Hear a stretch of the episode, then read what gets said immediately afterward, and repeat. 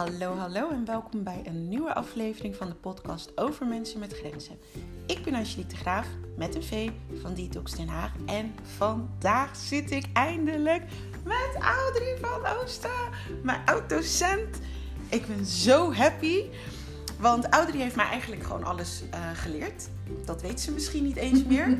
Maar, uh, te lang geleden. Te lang geleden. Audrey was mijn eerste docent en ik kwam uh, bij haar voor het eerst terecht over, ik meen het immuunsysteem. Zou kunnen, ja. Dat is lang geleden. Ja, dat is echt heel lang geleden. En um, nou, Audrey heeft mij dus alles geleerd over angst en paniek en over hormonen en over het immuunsysteem. Dus ja, super blij dat ik dit met haar kan doen. Luister je mee?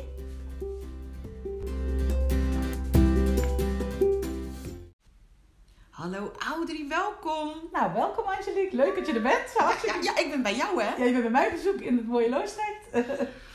Audrey, je werkt al... Nou nee, vertel jij het maar. Vertel jij een klein beetje, wie is Audrey van Oosten? Ik uh, ben um, Audrey van Oosten. Ik uh, ben, uh, zoals je kan horen aan mijn zachte G, ik kom van origine uit het prachtige Limburg. Ik werk al, nou volgens mij bijna tien jaar als docent bij de Ortho Health Foundation... En daarnaast ben ik ook werkzaam bij uh, de e werk ik ook uh, heel veel met EMB-testen, maar daar gaan we het vandaag niet over hebben. Nou nee, als we het zeggen, moeten we het uitleggen. Ja, Wat is een EMB-test? Een EMB-test is voor, voor sommigen jullie misschien wel bekend. Dat kan je bij therapeuten kan je dat doen. En dat is eigenlijk een soort test om een kleine check-up te doen hoe het met je gezondheid is. Waar je klachten, eigenlijk om te kijken waar je klachten vandaan komen en wat, wat het is eigenlijk het is wel alleen voor therapeuten, dus het is niet voor niet voor, voor, mensen, voor mensen zelf, voor consumenten zelf. Je moet wel naar een therapeut gaan. Want die therapeuten die leiden wij op om zeg maar, hun klanten te laten zien wat er met hun gezondheid, wat er kan verbeteren aan hun gezondheid. Dus het is een bloedtest. Ja. En um, er zijn dus therapeuten die zijn opgeleid om die bloedtest te doen. En um, die kunnen dan aan de hand van die bloedtest een aantal dingen zien van hé, hey, het gaat ergens mis. Ja en hoe dat aangepakt kan worden. Ja, en ook waar de oorzaak van het probleem zit. We maken, we, er wordt een, zeg maar een hematologie-scan gemaakt. Dan gaan we kijken naar uh, allerlei bloedwaarden. Heeft iemand bijvoorbeeld een laag HB, dat zeg maar uh, anemie, bloedarmoede in een, uh, zeg maar, wat makkelijker woord om het zo maar te zeggen. Heeft iemand bloedarmoede? Heeft iemand een immuunsysteem? Of is iemand een virus, een bacterie die hem lastig vallen? En daarnaast kijken we ook onder de microscoop naar het bloed, plus dat we een, een scan maken, uh, een energetische scan maken. En daar kunnen we heel goed de prioriteiten aanzien van, hey, wat is belangrijk om als eerste aan te pakken van wat, waar zit de oorzaak van het probleem. En niet zozeer het probleem behandelen, maar het is toch veel lekkerder om uh, om, de oorzaak, op te om, om de oorzaak op te lossen. Vind ik ook. Dus... Het heeft helemaal geen zin als je de oorzaak niet doet, want dan ben je het symptoom aan het ja, bestrijden. Precies. Dan ben je, pleisters, ben je een pleister aan het plakken en niet de wond aan het genezen, om het zo maar even te zeggen. Dus dat is uh, wat we met de EMB-test doen. En daarnaast ben ik al sinds uh, 2010 ben ik orthomoleculaire therapeut. Dus ik werk al echt aardig wat jaartjes, bijna 14 jaar in dit, in dit vak. En ben ik eigenlijk als, net zoals Angelique gewoon een ongelofelijke vakidioot. dus, vandaar dat wij elkaar tijd ook heel goed met elkaar kunnen vinden. ja, ja, oh jeetje, als we elkaar treffen dan is het kletsen. Ja. En uh, dus je, je hebt een eigen praktijk, je bent docenten en je, hebt ook, uh, en je leidt ook EMB-therapeuten op. Ja, dat is het aan, aan, ja, daarnaast van voornaamste werk. Mijn voornaamste werk is eigenlijk nog steeds lesgeven. Want ik ben er dus achter gekomen dat ik lesgeven heel erg leuk vind. Ik uh, had het nooit van mezelf durven, durven zeggen, tien jaar geleden, van dat ik les zou gaan geven. Maar ik ben er wel achter gekomen dat ik lesgeven echt ontzettend leuk vind. En ik het uh, ontiegelijk leuk vind om mensen dingen te vertellen. Maar dat komt ook omdat ik zo gek ben eigenlijk van mijn eigen vak. Dat, dat heeft daar natuurlijk wel heel erg mee te maken. Passie. Passie, ja, dat is mijn passie. Het is mijn passie, mijn vak is mijn passie en die wil ik uitdragen. Ja, het was echt, ik kan me echt wel herinneren dat uh, toen jij die lessen gaf, het, het, het, het hè, ja, er ging een wereld voor me open. Ja. Er ging echt een wereld voor me open van, oh, bestaat dit? En jij zat altijd heel mooi, altijd, altijd op de eerste rij. Dat kan ik me heel goed herinneren. Altijd op de eerste rij. En dan kwam ik binnen en dan zat ze er al een kwartier voor de half uur voor de les. Want dan begon, zat je er gewoon altijd al. Dat was echt zo leuk. En dan denk ik van, oh, leuk is er weer. Ja, ja, heel leergierig. En ik zat toen nog midden in mijn burn-out toen ik net. En dus ik dommelde ook soms nog wel eens weg. Ja. Dus uh, Ja, dat was, en, eh, eh, dat echt, was een, dat mensen gingen vragen van, gaat het? Ja, het gaat wel hoor. Ik tommelde gewoon weg. Ja, nee, klopt. Ik weet je dat je wel nog heel erg in je... Toen inderdaad in die burn-out zit, je had een conflict met je werkgever of zoiets. Ja, Dus eh er was allemaal heel veel gedoe en eh, je, je, je wilde zo graag Ja. ook de switch maken. En ik vind het ook zo leuk dat het je gelukt is. Dus, ja. eh, dus eh, hartstikke, hartstikke leuk. Dus eh, We beginnen met het onderwerp angst en paniek. prima. Fantastisch. Ehm, en dan vanuit jouw eh, beroep gaan we dat dan benaderen. Hè? Ja. Eh, hoe ontstaat angst en paniek? Goh, dat is, eh, als we dat eens wisten. Nee, dat is een goede vraag. Hoe ontstaat ang- angst en paniek? Eigenlijk, angst en paniek bestaat eigenlijk omdat er iets gebeurt waar je eigenlijk niet meteen een oplossing voor hebt. Dat is eigenlijk de reden, hoe- dat is eigenlijk hoe angst en paniek ontstaat. Je, je, je, je, je brein wil op zoek gaan naar een oplossing en weet het even niet. En dat kan dan gepaard gaan met allerlei emoties. En die emoties die kunnen we dan een beetje ervaren als angst. En de ene, men, ene iemand wordt heel erg bang, en de andere iemand raakt helemaal in paniek. En eh, één iemand gaat heel hard gillen, en de andere iemand gaat heel hard wegwaken. Maar eigenlijk de basis zeg maar, van angst is eigenlijk heel simpel. Is gewoon stress. En dan in de, in de zin van er gebeurt iets. En stress zorgt er ook voor dat je eigenlijk het lichaam op zoek gaat, of het lichaam, het lijf, de, de mens op zoek gaat naar een oplossing. Alleen die oplossing is niet 1, 2, 3 voorhanden. Het duurt vaak even eer die oplossing gevonden he- hebt. En dan kan, het, dan kan er paniek toeslaan. Want kijk, stress heeft eigenlijk in het, in het lijf maar één doel. Eh, dat is op zoek naar een oplossing om eigenlijk te kunnen overleven. Nou overleven, dat klinkt natuurlijk, dat klinkt natuurlijk heel erg van, nou, eh, eh, ik ga dood. Maar die reactie is er gewoon wel vanuit het lichaam. En dan ontstaat er, kan er de stress en paniek ontstaan, omdat je het, omdat je het eigenlijk even gewoon niet meer weet. Dus, eh, en wat, wat paniek en, eh, en angst, eh, wat versterkt wordt, is als er eh, bijvoorbeeld in het verleden een keer iets heftigs is gebeurd. Stel je voor, je, hebt een keer, eh, je bent een keer gevallen met je fiets op een bepaald punt. En iedere keer als je bij dat, punt, bij dat punt komt, denk je van, oh weet je, hier ben ik toen zo erg gevallen. Toen heb ik mijn been gebroken of zoiets. Dus dat kan door herhaling en door herhaalde blootstelling, kan het vaak zo zijn dat die angst eigenlijk ook een beetje irreëel wordt. Want soms is angst heel reëel. Sommige angsten zijn heel reëel, weet je. Soms als jij, bijvoorbeeld, bijvoorbeeld een goed voorbeeld waar we het over kunnen hebben, is bijvoorbeeld hoogtevrees. Ik heb echt heel erg hoogtevrees, ben ik heel eerlijk in. Ik, vind, ik ben heel erg gek op skiën. Maar ik vind echt, als ik in de lift zit, omhoog, nou jongen, echt. Dan, en dan heb ik voor mezelf, eh, dan denk ik van, nou, ik ben heel vaak met de skilift omhoog. En dan weet ik uiteindelijk, in mijn brein wordt het dan wel veilig. Maar als ik in een lift zit zonder skis, vind ik het, krijg ik toch angst. Want ik, vind, ik, heb, ik heb hoogtevrees. Maar die angst, die is eigenlijk heel reëel. Want het is voor mij als mens namelijk helemaal niet natuurlijk om in een apparaat 40 meter boven de grond te zweven. Dus op zich, vanuit het DNA, is die eigenlijk heel goed te verklaren. Dus dat is eigenlijk een reële angst. Maar je hebt ook hele irreële angst. Want als jij bijvoorbeeld heel erg bang bent, ik noem maar wat, voor bijvoorbeeld muizen. Dat is een hele... Ik Doe je dat heel- expres? Oh. ik denk, hè? Hoe weet ze dat? Ik heb hem zelf voor. Muizen, maar muizen is eigenlijk een hele irreële angst. Want muizen doen jou helemaal niks. Maar dat is gewoon. Maar dat is eigenlijk maar. maar dat, dus, dus, dus daar moet je ook nog een onderscheid onder maken. Alleen het lichaam maakt geen onderscheid. Voor het lichaam is angst is angst. Dus, eh, en dat geldt, geldt voor paniek. En bij de ene gaat de paniek naar binnen. Gaat, die wordt heel bang en die kruipt terug en die gaat in de hoek zitten en die, eh, die, die valt flauw. En de andere iemand die wordt, gaat helemaal schreeuwen.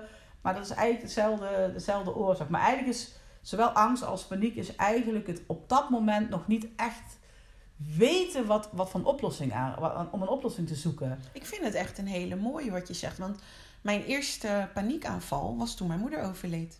Ja. ja dat Dus is- eigenlijk, je zit dit te vertellen en ik denk... Ja, toen wist ik inderdaad niet eh, ja, hoe ik daarmee om moest gaan.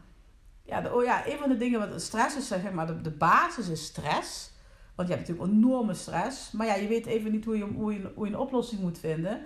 En één oplossing is om even heel hard te gaan schreeuwen en te gaan, gaan panieken. Om, om, om eigenlijk je, je, je brein in staat te stellen om op zoek te gaan naar een oplossing. Dus, maar goed, angst kan ook wel. Kijk, het vervelende aan angsten is. eh, we hebben als mens gewoon altijd de neiging om de negatieve ervaringen Kijk, stel je nou voor, hè, je, hebt een, je, je gaat naar de winkel, je koopt een ontzettende mooie jurk. En iedereen zegt, jee Angelique, wat heb jij een prachtige jurk aan. Staat je geweldig. Echt, oh wat mooi in die kleur en bij je ogen en je haar. Nou, echt plaatje. Er komt één iemand binnen en zegt, jezus, heb jij een snertjurk aan. Wat denk jij dan? Stommerik. Stommerik. Stom, ja, maar je, je denkt wel, oh, misschien is die jurk toch niet zo leuk. Dus we zijn als mens eerder geneigd om de negatieve ervaringen. Terwijl je, als je gewoon rationeel gaat denken, ja, 99% van de mensen vindt mijn, Ja. Vindt mijn jurk leuk. Maar toch die ene, die blijf je de hele middag, die ene blijf je de hele middag lastigvallen. Weet je, wat ik, weet je hoe ik dat heb? Dat eh, met mijn werk, hè, ik kan echt, eh, ik heb duizenden mensen geholpen. En dan kan het me zo bijstaan, die ene persoon waar ik het misschien net niet zo heb kunnen doen.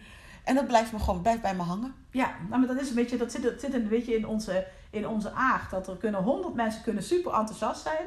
En die ene zuurpruim die eh, dan maar bijvoorbeeld een opmerking maakt, denk je, oh god. En dat kun je eigenlijk, ik heb het met lesgeven ook wel eens. Dan geef ik les, zijn mensen super enthousiast. En dan zegt één iemand tegen mij, nou ik vond het allemaal heel lang duren vandaag. Ik vond het heel langdradig.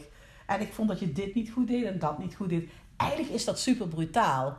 Want waarschijnlijk heeft die persoon zelf ergens een issue mee. En probeert dat issue op jou te projecteren. Maar op dat moment gaat, komt die opmerking, die komt zeg maar met een mokerslag binnen. En terwijl al- terwijl alle mensen die positief zijn, ja, dat blijft je dan bij van die dag. En dat, is, dat zit een beetje in onze, in, onze, in onze aard. Dat we de negatieve ervaringen erger opslaan dan de positieve ervaringen. En dat kan bij angst er wel eens toe leiden, als je dat heel erg hebt, dat angst zeg maar je raadgever gaat worden. En dat is geen goede. Dat is wat er in de praktijk, wat je veel ziet gebeuren bij klanten, bij patiënten. Dat ze eigenlijk een soort angst voor de angst beginnen te ontwikkelen. Ja, en dan kom je in een, dan kom je in een negatieve spiraal terecht. En dan gebeurt er dus iets in je lichaam. Ja, want dan gebeurt er iets in je lichaam. En eigenlijk de eerste reactie die we vaak hebben als we stress hebben, eigenlijk de, is dan gaat er in je brein gaat er een soort, ik zeg altijd, dan gaat er een rode lamp gaat er branden. En dan ga, je, dan ga je hormonen aanmaken, zeg maar de hormoon adrenaline, dat kennen we allemaal. En dat gaat ons eigenlijk helpen op zoek te gaan naar een oplossing.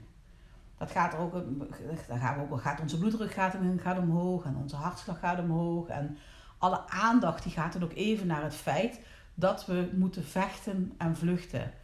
En dat is, eh, dat is wat er gebeurt als we adrenaline eh, aanmaken. Fight, fight, flight, freeze reactie. Sommige mensen kunnen echt ook een enorme freeze reactie krijgen. En eigenlijk is die freeze reactie hetgene wat bij, eigenlijk bij iedereen meteen gebeurt. Want als jij iets, iets meemaakt, is er altijd een moment van... "Uh, en nu? Dat is echt altijd even. En dan kom je of in de actie. Ga je of eh, heel hard weglopen. Of je gaat in de actie. Je gaat, hup, je gaat het oppakken. Je gaat er wat aan doen. En sommige mensen blijven dan ook hangen in die vriesreactie. En die hebben dan ook echt, die bevriezen letterlijk. De lichaamstemperatuur gaat, om, omlaag. De waarneming gaat omlaag. De pijn wordt de pijn. Mensen kunnen echt voor dood, zichzelf voor dood houden. En dat gebeurt bij kinderen nog wel eens. Ja. Die krijgen echt een, eh, die, die vallen gewoon om. Die vallen echt letterlijk om. Die krijgen een, eh, een, eh, een, eh, freeze-reactie.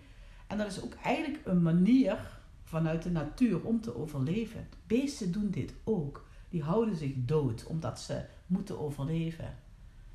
Dus dat is de freeze. En daarnaast hebben we dus de fight en de flight. Maar die hebben allemaal te maken met adrenaline.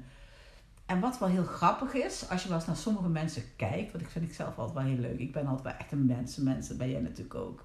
En dan zie ik wel eens mensen, het is al tegenover, je hebben ze de vuistjes al gebald. En dan zitten ze al te denken van. En dan, dus ook vaak, het probleem is ook nooit hun eigen schuld. Die zijn ook altijd boos op iedereen, boos op de wereld. En van die mensen weet je eigenlijk wel dat die in een fight-reactie schieten. Dus dat is wel heel grappig. En mensen die zeg maar echt heel erg vlug gedrag. Het zijn ook vaak mensen die dan al een stukje naar achter gaan zitten. En dan vaak eh, armen, armen voor zich houden. En dan jou al een beetje zeg maar alles wat je zegt al een beetje terug doen te schieten. Dat zijn mensen die heel erg in een fight stand, in een flight stand staan. Dus dat is En wel... het is denk ik ook belangrijk om dat te herkennen, omdat zo iemand op dat moment eigenlijk niet zo helder meer nadenkt. Ja, en zeker als mensen dan zeg maar over stress en burn-out klachten hebben, dan zie je de fighters, die zijn echt nog heel boos op iedereen. die staan echt nog heel erg in de aanstand en die willen echt nog, nou, bij wijze van spreken iedereen op een bek rossen, om het zo maar even heel plastisch te zeggen. En de andere persoon, de flighter, de, vluchter om het in het Nederlands te zeggen, die zal veel meer geneigd zijn. Die, die kan bijvoorbeeld pleinvrees of straatvrees of allerlei gekke vrezen gaan ontwikkelen. Omdat hij zich eigenlijk wil vluchten voor hetgene wat er gebeurt. Dus dat is eigenlijk ook, een, zijn beide zijn het overlevingsstrategieën. En het grappige is dat je eigenlijk niet zo goed weet wat er, eh, hoe je gaat reageren tot het echt gebeurt. Ik kan daar in mijn eigen leven wel een heel mooi voorbeeld van geven. Uh, dat is al een hele tijd geleden. Ik heb in 1998 uh, eh, werkte ik hier in Loosdrecht.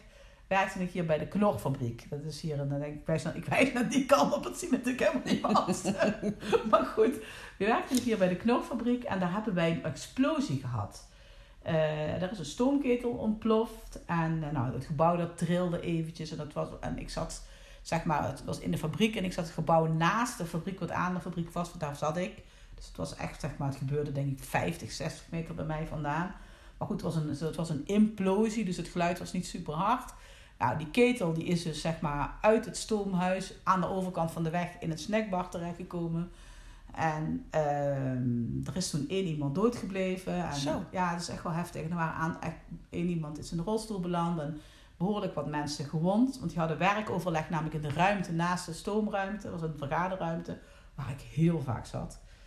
En ik kan me nog een aantal dingen kan ik me herinneren van die. Uh, dus toen moesten wij, we werden allemaal geëvacueerd. Dus moesten allemaal naar een evacuatieplaats. Moesten allemaal naar buiten, omdat ze in eerste instantie niet wisten wat er aan de hand was.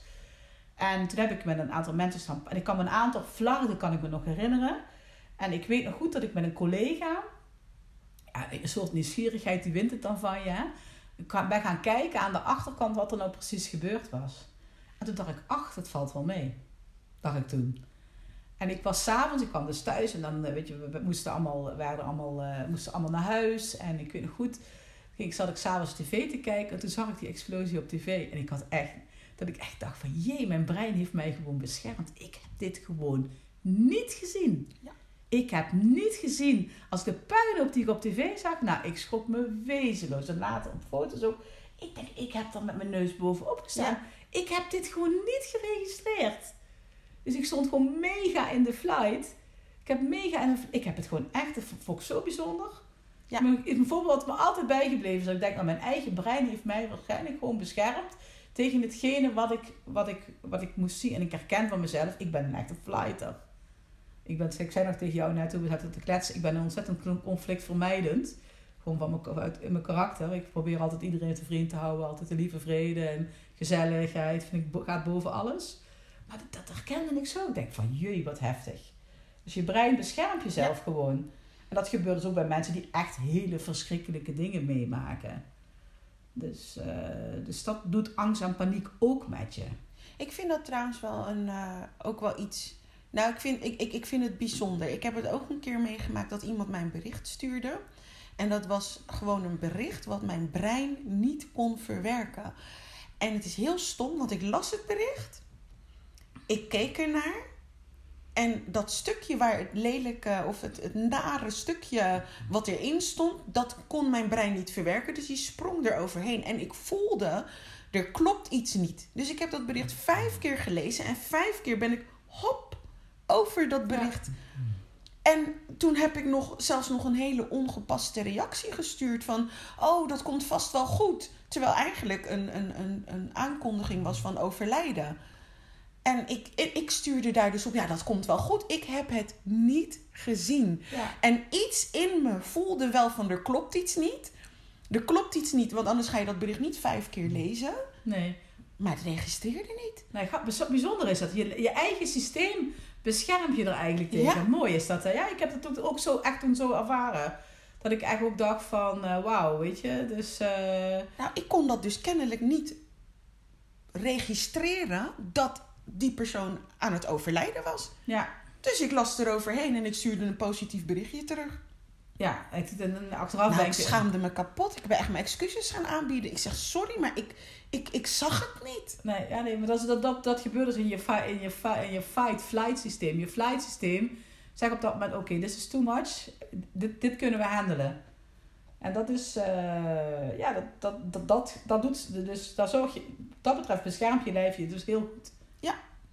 Dat doet hij altijd. Hè? Hij probeert altijd te overleven en, en je te beschermen. Ja. En nu is dus, eh, hè, dus de, de- hè, want ik, de reden dat ik het vraag is omdat er eh, veel mensen luisteren die angst en paniek hebben. Ja. En ehm, op een gegeven moment misschien zelfs wel denken dat het een onderdeel, onderdeel is van hun karakter. Ja. Maar er gebeurt dus iets van binnen. Hè? Dus er is een situatie die je misschien niet goed kan verwerken. En vervolgens eh, gaat je lichaam in fight or flight een reactie daarop geven. Maar wat als je nou weken, maanden of jaren angst en paniek hebt? Dus de vraag is, wat als stress nou langdurig in je systeem, of stress, angst en paniek, hè? want dat is denk ik waar mensen die luisteren last van hebben, angst en paniekaanvallen. Wat als dat dus langdurig in je systeem zit? Ja, wat er dan gaat gebeuren, kijk, je kan niet de hele tijd maar adrenaline blijven aanmaken. Je kan niet de hele tijd zeg maar in die fight-flight stand blijven staan. En hoe merk je dat dan, dat dat gebeurt? Nou, wat gebeurt? Dat de adrenaline constant aangemaakt wordt? Misschien Nou, je voel je, dan voel je wat je dan voelt, dan voel je je heel erg opgejaagd. Het, het, het voelt altijd een beetje als je, alsof er tien, eh, tien paarden achter je aan, hollende paarden achter je aan zitten. Zo ervaren mensen vaak dat. Mensen kunnen ook een beetje druk op hun borst ervaren, beetje eh, licht in hun hoofd, omdat ze eigenlijk het gevoel hebben van, ja, ze staan te, veel aan. Er wordt echt, je, krijg, je hebt echt een, soort overdrive krijg je, krijg je als je heel het adrenaline ervaart. Je voelt je eigenlijk een beetje zoals een zebra zich voelt als hij op de savanne opgejaagd wordt door een leeuw. Dus dan zijn maar bij stress dan de leeuw is en en de zebra ben jij dan. Dus dat is wat er dus gebeurt. Maar het lichaam heeft daar eigenlijk ook wel weer een, iets voor bedacht om ervoor te zorgen dat we uiteindelijk die adrenaline een beetje gaan afbouwen. Gaan we allerlei stofjes gaan we aanmaken die er dan voor gaan zorgen dat we eigenlijk wat minder last hebben van die adrenaline. En dat we ook de energie gaan krijgen om zeg maar die reactie, die stressreactie op te lossen. Daar gaan we een ander stofje voor aanmaken en dat stofje dat heet cortisol. En dat stofje, dat cortisol, dat wordt aangemaakt in je lever. Dat wordt aangemaakt uit een, eh, een eh, ander heel be- bekend stofje wat jullie allemaal wel kennen. Dat is cholesterol. Daar gaan we ervoor zorgen, dan gaan we cortisol maken. En cortisol gaat ons dan de energie geven om dus te dealen met de stress. En dan worden, voelen we ons ook weer rustig. Dus dat is eigenlijk wat, daar wat daar dan gebeurt. Maar als we dat heel vaak keer op keer maar blijven doen, ja, dan wordt op een gegeven moment hebben we ook niet meer voldoende cortisol. En wat je dan vooral ziet, is dat je heel erg gaat pieken. Dat je heel erg van eh, hoog-laag gaat zitten. De ene met heel hoog energie, de andere met heel laag. En wat cortisol nog meer doet als, het uitge als je het heel veel gebruikt, dat je er ontzettend moe van wordt. Dat je dus, en daarom zijn mensen die gestrest zijn, zijn vaak ook gewoon verschrikkelijk moe.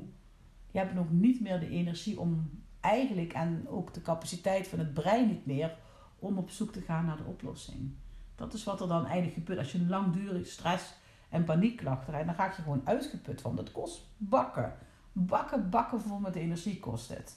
Het klinkt nu als een neerwaartse spiraal, hoe jij het uitlegt. Maar dat is ook wat er gebeurt als je mensen met chronische klachten. Dus eh, kijk, het mooiste zou zijn dat als je stress hebt en eh, je, zoekt de, je zoekt de oplossing, je vindt de oplossing.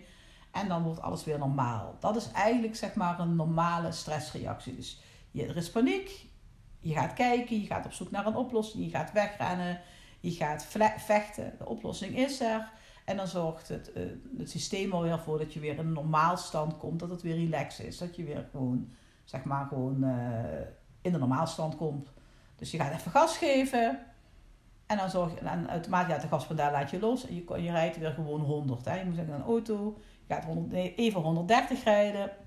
Nou, dan vervolgens eh, gaat je lichaam allerlei reacties komen. je- En dan gaat de reactie, ga je van 130 eigenlijk wel langzaam terug naar 100. Wat je eigenlijk normaal gesproken rijdt. Dat is wat er gebeurt. Daar zorgt cortisol voor. Dus, eh, maar als het te lang duurt, ja, dan op een gegeven moment blijft die eigenlijk, ik zeg altijd, blijft die auto die blijft 130 rijden. Maar je krijgt ook allemaal bochten op het circuit. Ja, dat gaat, dat gaat, dat gaat niet goed. Dat gaat ergens gaat dat wringen. Dus, eh, En dan heb je dus bijvoorbeeld ehm, angst- en paniekklachten. Hoe speelt GABA hier een rol in? Nou kijk, GABA hè, is een heel belangrijk stofje. Maar GABA, dan moeten, moeten we even uitleggen Ja, wat het is, hè? Want ja, we de- zouden er anders lekker induiken. GABA, GABA is gamma- gamma-aminobuterzuur. en GABA is een stofje dat ons brein aanmaakt waar we eigenlijk lekker rustig van worden. Waar we eigenlijk weer zen van worden, waar we door kunnen herstellen. Dat is, dat zeg maar, dat is GABA. GABA is zeg maar een soort valium. Dat kent iedereen waarschijnlijk wel. Een soort valium voor het brein eigenlijk. Zo, zo moeten we GABA, wordt het in de volksmond ook wel genoemd. Dus GABA is een stofje wat, erg, wat zorgt voor rust in het hoofd. Dat zet, ik zeg altijd, dat zet een disco uit. Hè? Je hebt vaak mensen die veel paniek en angstklachten hebben. Die hebben vaak, ik noem dat altijd met een heel mooi woord, disco in je hoofd. Want dat snappen mensen. En, dan, en GABA zorgt er dan voor dat die disco in je hoofd, dat het volumeknop en de, en de muziek uitgezet wordt. Dat het weer rustig wordt. Dat zorgt dan voor die, we noemen dat met een mooi woord, synchronisatie van je hersengolven. Maar dat zorgt er dus voor dat je weer rust in de taxi hebt. Gewoon, dat is wat GABA doet. En een van de capaciteiten die GABA heeft, wat GABA zo ontzettend belangrijk maakt, is dat het in staat is om adrenaline uit te zetten. Dus dat zorgt er dus voor dat, die, dat, dat je uit die holstand komt. Dat je dus zeg maar weer relaxed wordt. Dus dat is wat, eh, wat GABA doet. Dus GABA speelt hier een enorm belangrijke rol in om weer tot rust te komen. En dan ga ik hem nog één stapje verder nemen, want wat doet GABA nog meer? Dus dan, eh, en dan bedoel ik bijvoorbeeld de connectie met het immuunsysteem. Hè? GABA ehm, zorgt ervoor dat je immuunsysteem eh, tijdig reageert. Ja, GABA maakt je ook alert. Hè. Zorgt er ook voor dat je zeg maar, eh, kan dealen met ook alle prikkels die, die je immuunsysteem je geeft. Want je moet je ook heel goed realiseren dat die stress- en paniekklachten ook voor een heel groot deel kunnen ontstaan in je darmen. Dat is iets wat mensen vaak niet weten. Maar je darmen is eigen onderdeel van je centrale van je zenuwstelsel. Want die darmen geven ook prikkels af. Die darm zegt ook op een gegeven moment: hey, dit is niet oké. Dus als jij bijvoorbeeld heel veel suikers eet, of je eet bijvoorbeeld heel veel stofjes waar je bijvoorbeeld noem wat. Ik vind een mooi voorbeeld altijd. Als jij een zak blauwe MM's eet bijvoorbeeld, zou het zomaar eens kunnen zijn dat je een paniekaanval krijgt. Want je lichaam krijgt dan zoveel troep te verwerken dat het brein ook op een gegeven moment denkt van dat de rode lamp zeg maar ook gaat branden. Dus GABA zorgt, zorgt daar ook voor. Het remt ook een ander heel belangrijk stofje af en dat heet glutamaat. Glutamaat is een stofje wat we eigenlijk heel hard nodig hebben. Want glutamaat zorgt ervoor dat we gas kunnen geven. Maar te veel glutamaat is geen lekker gevoel. Als je, kijk, als je bijvoorbeeld mensen die veel... ga ik even helpen. Glutamaat, dat kan je in bepaalde voedingsstoffen vinden. Bijvoorbeeld. In al- alles waar eh, de geur- en smaakstof E- E621 in zit. Ja. Eigenlijk alles wat uit pakjes en zakjes komt. Ja. Maar ons lichaam maakt zelf ook glutamaat aan. En het zit ook in, in, in natuurlijke producten. Ja. Dus en, maar eventjes, ik ga hem er even tussen gooien. Gooi jij maar Die, even eh, tussen. die hoor. gooi Gooi maar maar even tussen. Want er zijn bepaalde producten waar die glutamaat dus excessief veel in zit. Hè? Ja. Eh, het heet ook wel eens MSG, E621.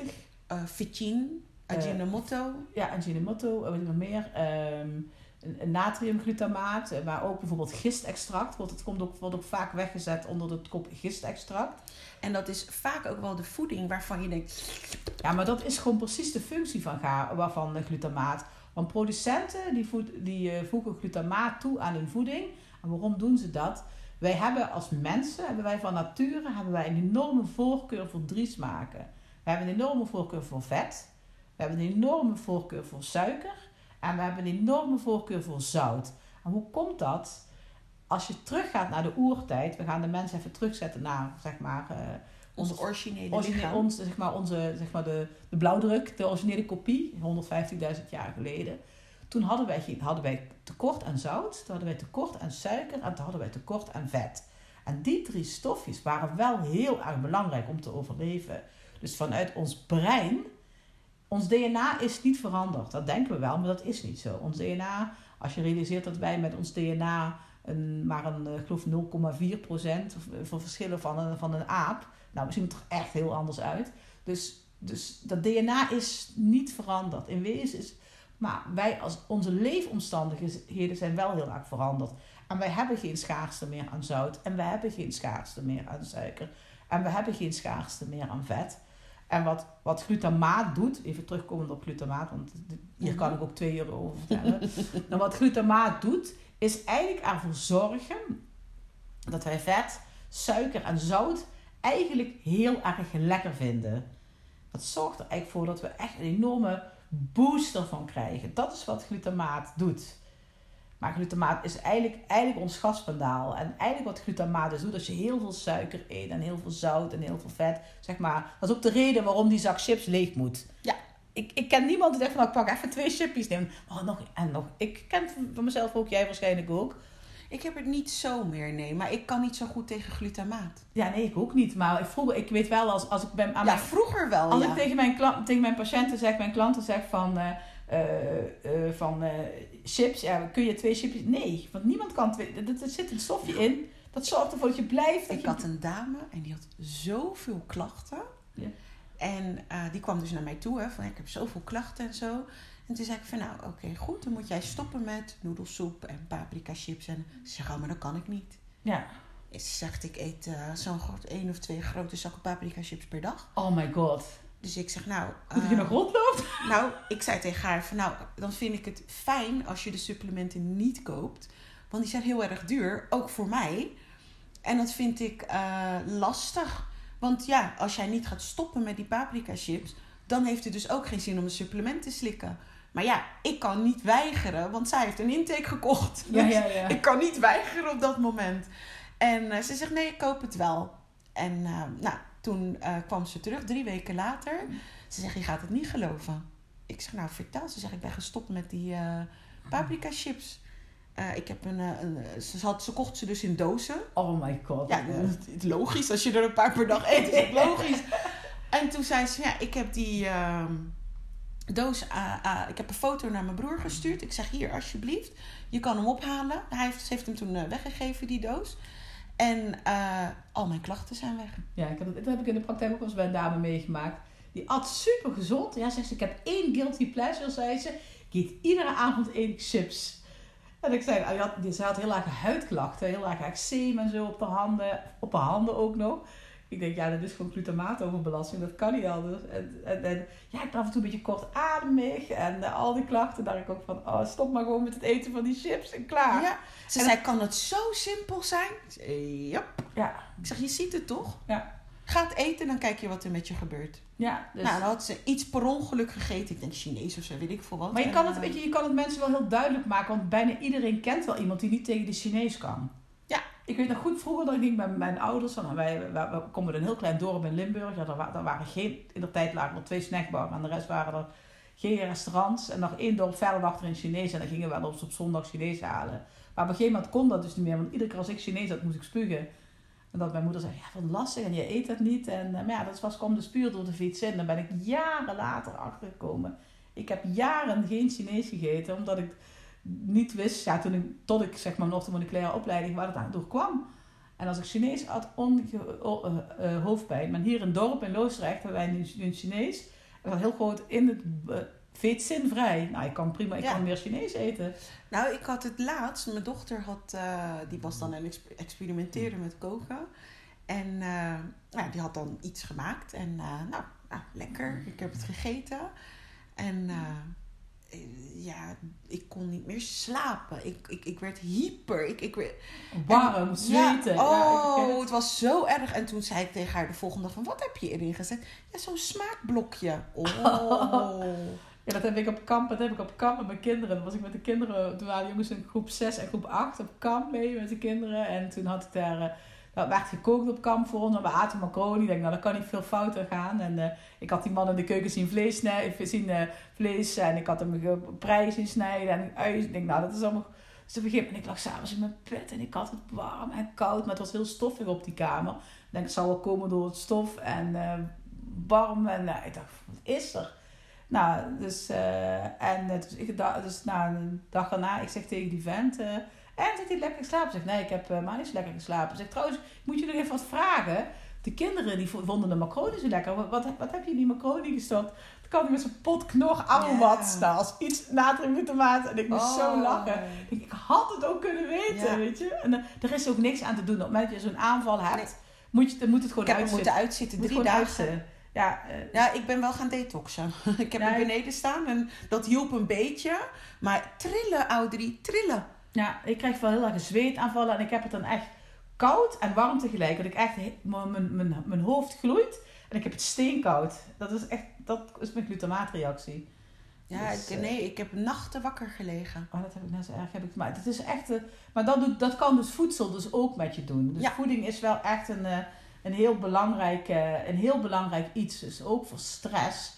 Aspartaam ook, hè? Aspartaam. Die werkt ook niet lekker op je GABA. Nee, aspartaam werkt ook niet lekker op je GABA. Klopt. Dus, eh, maar En als ik het even samenvat, hè, want Ja. dan, dan is het goed te volgen voor iedereen. Dus ehm, we hebben de- het begin hè, van, zo'n, eh, van paniek en angst, hoe dat eh, kan ontstaan, hè, doordat je geen oplossing kan vinden. Adrenaline, cortisol en ook hoe je dat herken, kan herkennen. Ehm, het knopje GABA, het knopje dat het uit zou moeten doen en welke klachten daarbij horen. Hè, dat je daar dus inderdaad angst, paniek, overprikkeling, eh, glutamaat. Dat kan dus via voeding eh, eh, kan dat, gevoed worden. Ja. Hè? En dat lichaam kan dat dan En niet dat goed is ook een- afbreken. Nou, een heel groot probleem met voeding, glutamaat uit voeding. Met de glutamaat van ons eigen lichaam, daar hebben we nog stofjes voor om het af te breken. Maar de glutamaat uit voeding niet. Dus op het moment, die gaat meteen, die kan veel erger je zenuwen prikkelen dan de lichaams eigen glutamaat. Want de lichaams eigen glutamaat kan ook gebruikt worden om bijvoorbeeld, als je een stressreactie hebt, om ervoor te zorgen dat je dus eh, op zoek kan gaan naar een oplossing.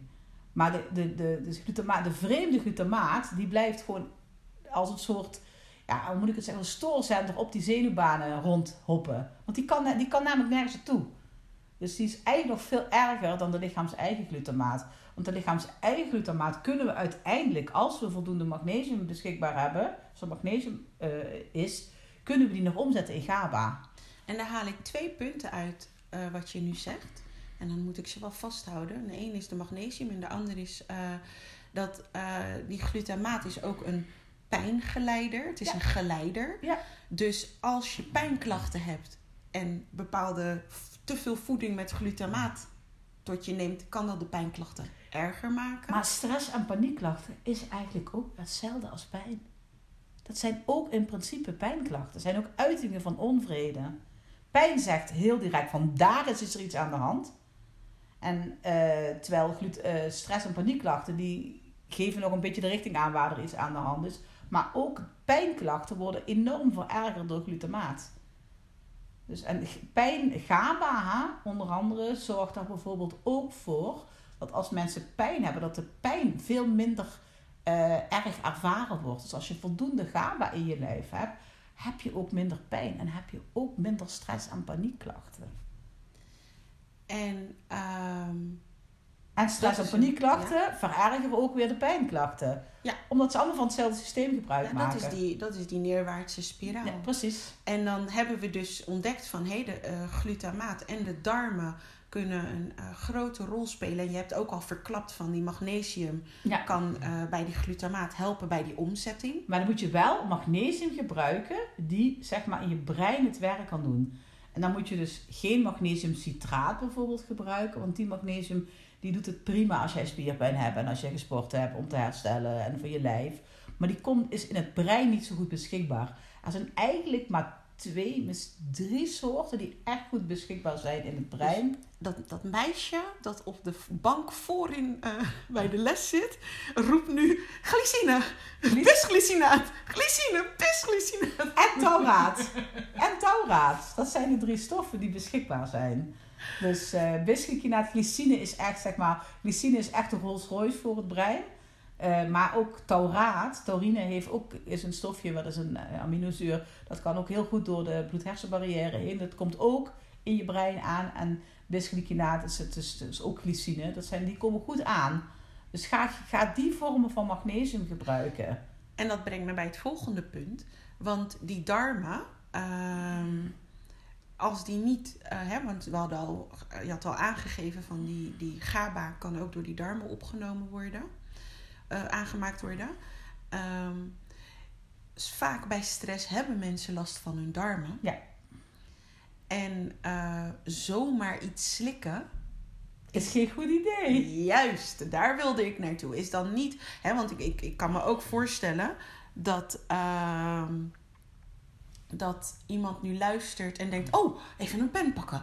Ik moet eh, magnesium bisglycinaat, of ik moet nu dit doen, of ik moet nu dat doen. Pauzeer die gedachte even, want. ehm, er komt, we gaan het daar ook nog over hebben, maar zelf dokteren is eigenlijk niet waarom we dit bespreken. Nee, absoluut niet. Nee, want dat is precies de grote fout die, je, die Ja, mensen vaak maken. En dat ze denken van, oh, ik heb, dat heb ik in een podcast gehoord. Of, ja, of dat heb ik op Google gelezen. Nee, belangrijk is gewoon dat je naar een professional gaat. juist. Die jou helpt om eh, uit te zoeken waar bij jou het probleem zit. Juist. Juist, juist, juist.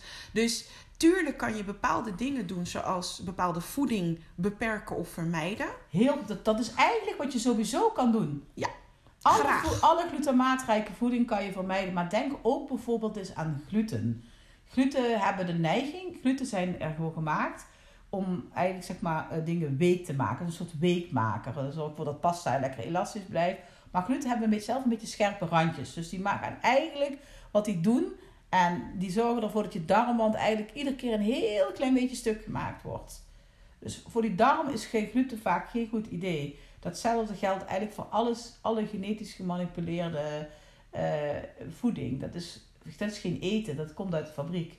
Dus ga gewoon geen pakjes en zakjes eten. En eigenlijk is het heel simpel. Ga eten groente en fruit, noten en zaden, vlees, vis, vlees en vis en gezonde vetten. En met gezonde vetten denk ik, denk ik bijvoorbeeld aan kokosolie, denk ik aan roomboter, denk ik aan ghee. Dat is waar ik aan denk. En eigenlijk is, ben je dan klaar. Nou, en- want eh, ik, ik kan me zo voorstellen dat er dan eh, ook weer wat lichtjes opgaan. Maar we gaan, we gaan zo, komen we hierop terug. We gaan zo, eh, hè, want we willen dus niet dat jij zelf gaat dokteren. We willen echt wel schakelen een professional in. Want er moet gekeken worden naar eh, wat is er allemaal al ontregeld. Ja, precies. Dat is heel belangrijk. En wat is de route terug? Maar ook, waar, komt dat, waar komen die tekorten vandaan? Ja. Eh, welke gedachten loop je tegenaan? En dat zijn dingen die je wel kan doen. En die voeding en die gedachten, daar kan je wel alvast over nadenken. Misschien Maar schrijf het ook op voor jezelf. Ja. Ga eens voor jezelf te, te raden aan... Hé, hey, wanneer zijn mijn klachten begonnen? Vaak is het heel goed, zeg ik altijd, om even de film terug te draaien. Om te kijken van... Hé, hey, wanneer zijn mijn klachten begonnen? Ook probeer, en dan kom ik op jou... Jij bent van de, jij bent van de afdeling triggers, want dat is jouw, eh, dat is jouw afdeling. Eh, ga, wat, wat heeft mij getriggerd? Wat, waar, waar komt het vandaan? En dan zul je vaak, als je terug gaat denken... Dan moet je terug gaan denken van... En gewoon even met jezelf, gewoon even de tijd ook nemen voor jezelf. Denk je, ga eens terug naar je kind, ga eens naar je eigen kind terug. Ga eens terug naar de tijd toen je twee was. Eh, Wat je nog weet dan. Hoe ga je terug naar de tijd dat je vier was? Wat weet je nog? Weet je, van, heeft die angst er altijd al in gezeten? Heeft die paniek er altijd... Want het kan heel goed zijn dat die angst en paniek helemaal niet van jou is. Maar misschien wel van je moeder of van je vader is. Dat zou heel goed kunnen. En daar kan je dan met, ja, daar, daar heb je dan ook aandacht voor nodig om daar wat aan te doen. Want dan moet je het probleem teruggeven. Dat is wat, je dan, eh, wat, er, dan moet, eh, wat er dan moet gebeuren. Dus als je het zo hoort, er zijn eigenlijk, eh, en dit is ook waarom we zeggen, laat het door een professional aanpakken, omdat je met zoveel factoren rekening moet houden. met de oorzaak, met de darmen, met de hersenen, met hoe sta je momenteel in die situatie? Is de stress weg? Is de, de angel eruit? Er zijn zoveel factoren waar je rekening mee moet houden. Naast dat je dus niet zomaar GABA mag slikken, omdat je dat ook niet met alle medicatie mag combineren. Nee, GABA mag zeker met, met oxazepam en temazepam mag je absoluut geen GABA eh, gebruiken. Want oxazepam en temazepam, dat zijn ook GABA-verhogers. Alleen die doen het op de chemische manier. En de chemische manier die zorgt daar dus voor. Dus het kan best wel heel veel baat hebben. Je kan hartstikke veel baat hebben bij oxazepam en temazepam. Die zorgen er namelijk voor dat je GABA verhoogd wordt. Alleen dat werkt maar tijdelijk. En dat maakt ook wel weer heel veel stuk in je systeem. Want dat zorgt er dus ook voor dat de lichaams eigen GABA, die je prima kan aanmaken, geen kans krijgt. Dus je gaat eigenlijk alleen nog maar minder lichaams eigen GABA aanmaken op het moment dat je er iedere keer chemische GABA tegenover zet. Dus vandaar ook, maar je mag het ook niet samen gebruiken. Juist, maar dat is eh, voordat iemand denkt: hé, hey, ik uh, ga maar, ik zie hier en ik heb het gegoogeld en ik zie ze. Niet, doen. doen. Nee. Want het is niet alleen uh, de pammetjes, de medicatie eindigt op PAM. Want volgens mij met antipsychotica mag het ook niet Antipsychotica, niet antidepressiva schijnt, maar dat, dat, dat, dat, dat, dat blijkt uit onderzoek nu wel, dat dat, dat wel samen, eventueel samen zou gaan. Maar dan moet je ook wel heel, moet je ook heel goed kijken naar de desbetreffende antidepressiva. En daarom raad ik eigenlijk altijd aan om, naar, om dat via een specialist te doen. En dan niet echt niet zelf, zeker als je medicijnen gebruikt. Maar weet je, je kan dan heel veel doen met voeding. Haal die glutamaat maar eens uit je voeding. Dat is een mooi begin. Dat is een heel mooi begin. Daar kan, je, daar kan je bij wijze van spreken vandaag mee beginnen. Want wat dat tweede punt is wat ik net wilde aanhalen, was uh, inderdaad met de magnesium. Ja, als die darmen niet goed functioneren, is, hè, daar moet rekening mee gehouden worden. Je kan niet zomaar zeggen: wacht, ik ren nu naar de winkel en ik haal. Nee, het is een calculatie. En wat ik vooral wil duidelijk maken is: er is een interactie met je immuunsysteem, met je darmen, met je hersenen en met zoveel andere dingen waar een specialist dus wel uh, rekening mee houdt. En het is voor een specialist al een enorm zoekplaatje. Kijk, wordt altijd heel, wordt altijd heel veel, heel veel wijtend naar de huisarts gesproken van ja, de huisarts heeft me dit gegeven. Maar je moet je ook realiseren, die huisarts heeft 10 minuten de tijd, een kwartier de tijd om te bepalen of jij wel of niet doorgestuurd moet worden. En de huisarts is, kan kijken van, laat ik eerst even wat antidepressiva geven. Laat ik eens even wat rust geven. Misschien gaat het dan wel beter. En dan is die patiënt door de deur en zie ik hem nooit meer. En de echte grove gevallen, die komen wel weer terug. Maar wij als therapeuten kijken gewoon heel anders. Ik, een intake duurt gewoon anderhalf uur. Ja. Je moet heel, veel, je moet heel veel te weten komen over de persoon. Om te, ook om te kijken wat voor soort persoon is het, hoe zit die in elkaar. Uh, het is een calculatie. Het is gewoon een, een, een, een, een, een, uit, het is een uitzoekerij. Het is eigenlijk een puzzel die je probeert in elkaar te gaan leggen. Ja, en net als wat je zegt, wat, wat therapeuten een film noemen. Ja. Um, we, we, ik vraag ook echt in mijn intake van, hoe was je jeugd? Wat voor klachten hebben je ouders? Ja, Wat voor klachten hebben je broers en zussen? Uh, heb je trauma's meegemaakt? We, we nemen het heel breed. En uh, ja, het is bijna geldverspilling als je dat zelf gaat proberen. Want we zijn er al, nou ja, ik dan bijna uh, 8,5 jaar en jij nog veel langer mee bezig. mee bezig. En daar vind je dus een bepaald gemak in. Of een bepaalde ja, ik noem het een calculatie. Want als ik al die dingen bij elkaar zie, kan ik vrij snel calculeren van... Oh, dat komt hier vandaan, dan moet je even dat vragen. Dan moet je dat vragen, dan moet je ja, dat zo... Ja, dat zit, weet je, dat is zo'n, zo ik noem het een epigenetisch model. Dat zit gewoon in je hoofd. Ja. Ik, en ik, ik heb heel mooi, ik vind dat een mooi voorbeeld. Ik heb een heel mooi intakeformulier en dat heb ik ook echt nodig. Omdat ik, maar ik ga met iemand het gesprek en ik moet mezelf ook echt dwingen om dingen op te schrijven. Of ik, en ik probeer altijd te typen, maar ik ben wel helemaal terug bij schrijven, want ik ben nou eenmaal een schrijver. En dan maak ik de aantekening en daarna schrijf ik het uit. Maar dan, want ik wil namelijk op het juiste moment de juiste vragen kunnen stellen. Dan heb ik niks aan een vragenlijst. Ja, en, dan moet ik, en, en ook die stiltes van dingen, kwartjes moeten vallen. Dat vind ik altijd wel lastig als er bijvoorbeeld twee personen komen en die andere persoon er doorheen gaat, omdat juist dat moment ik van heb, stilte... Ik, stuur, ik had laatste keer moeder en zoon, ik heb moeder gewoon wandelen gestuurd, want die, ja. dat kind vertelde niks. Ik denk, die vertelt precies wat zijn moeder moet horen. Zeg, en die moeder is precies het probleem. Kon ik helemaal kon ik helemaal, en de jongen, die jongen was 15, dus ik zei op een gegeven moment, toen ging zijn moeder liep even naar de wc en toen zei ik tegen hem, zeg, zou je het de volgende keer fijn vinden om uh, alleen te komen of vind je het fijn dat je moeder erbij is? En zei de jongen, ja, ik vind eigenlijk liever, ik wil liever wel een keer liever met jou alleen willen praten. Dan ga ik even mama vragen wat mama daarvan vindt. En toen zei ze zo van, uh, ik zeg, goh, zeg ik tegen die moeder, zeg, zou je het fijn, zeg, ik zou het ook wel fijn vinden om even één op één, dan kan ik net even wat meer dingen vragen. Want sommige dingen vertelt hij gewoon nu niet, omdat jij erbij zit.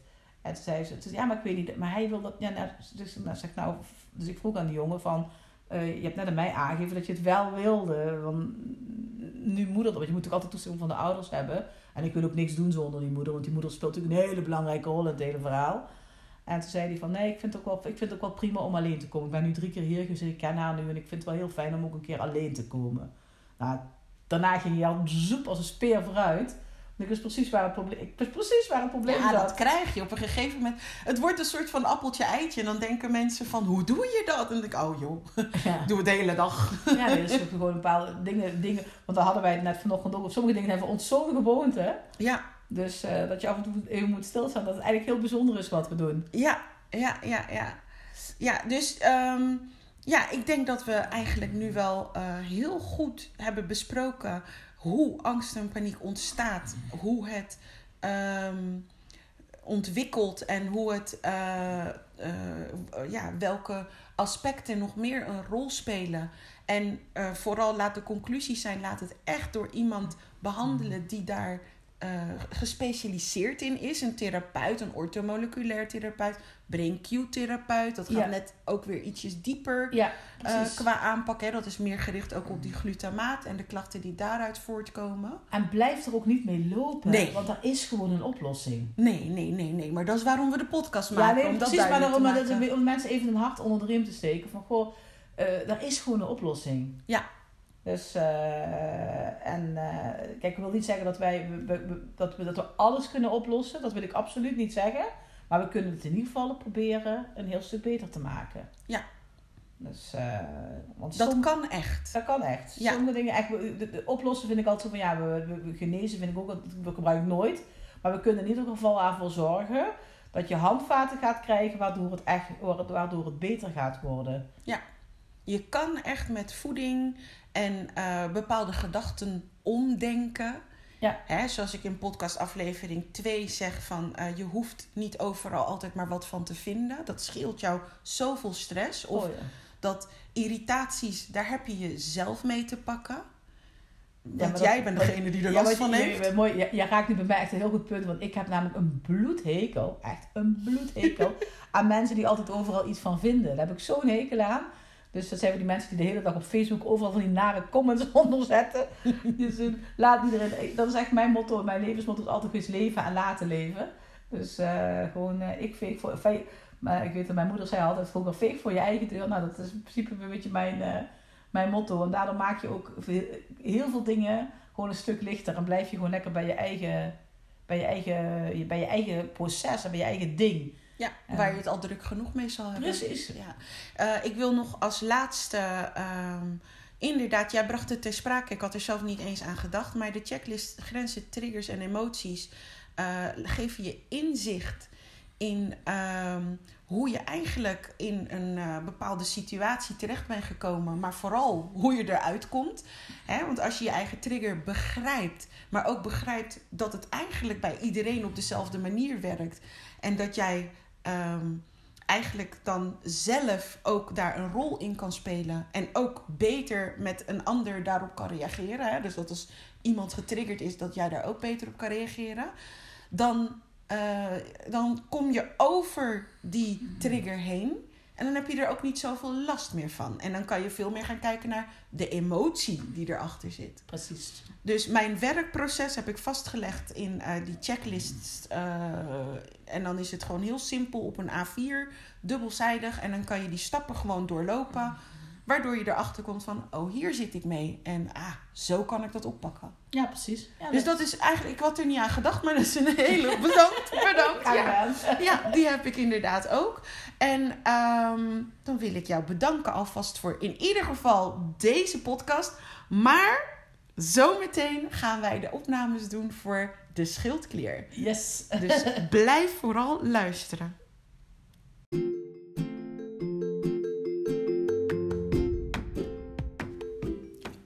Het was geweldig. Precies zoals ik het wilde.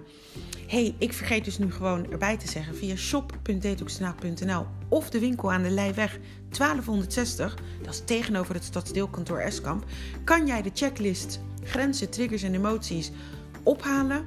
Dat is nu met korting. Normaal gesproken zijn ze 37,50, maar momenteel zijn ze 25 euro. Dus maak daar gebruik van.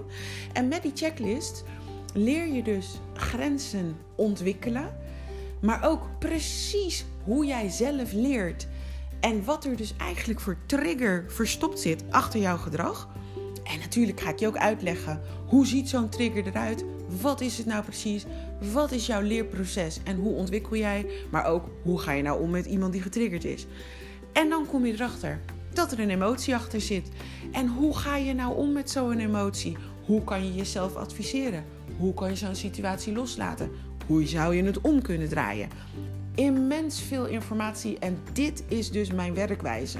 Die heb ik gewoon op papier gezet en daar kan jij nu van meegenieten en jezelf ondersteunen om elke leerles die je tegenkomt of situatie die je herhaalt om te toveren naar een levensles, zodat je er uitstapt dat patroon. Hartstikke de moeite waard. Hey, ken jij iemand die deze podcast absoluut ook moet horen? Deel hem alsjeblieft. Of deel het op je socials. Maak je mij ontzettend blij mee. En ik zie jullie de volgende keer. Wederom met Audi van Oosten, maar dan over de schildklier.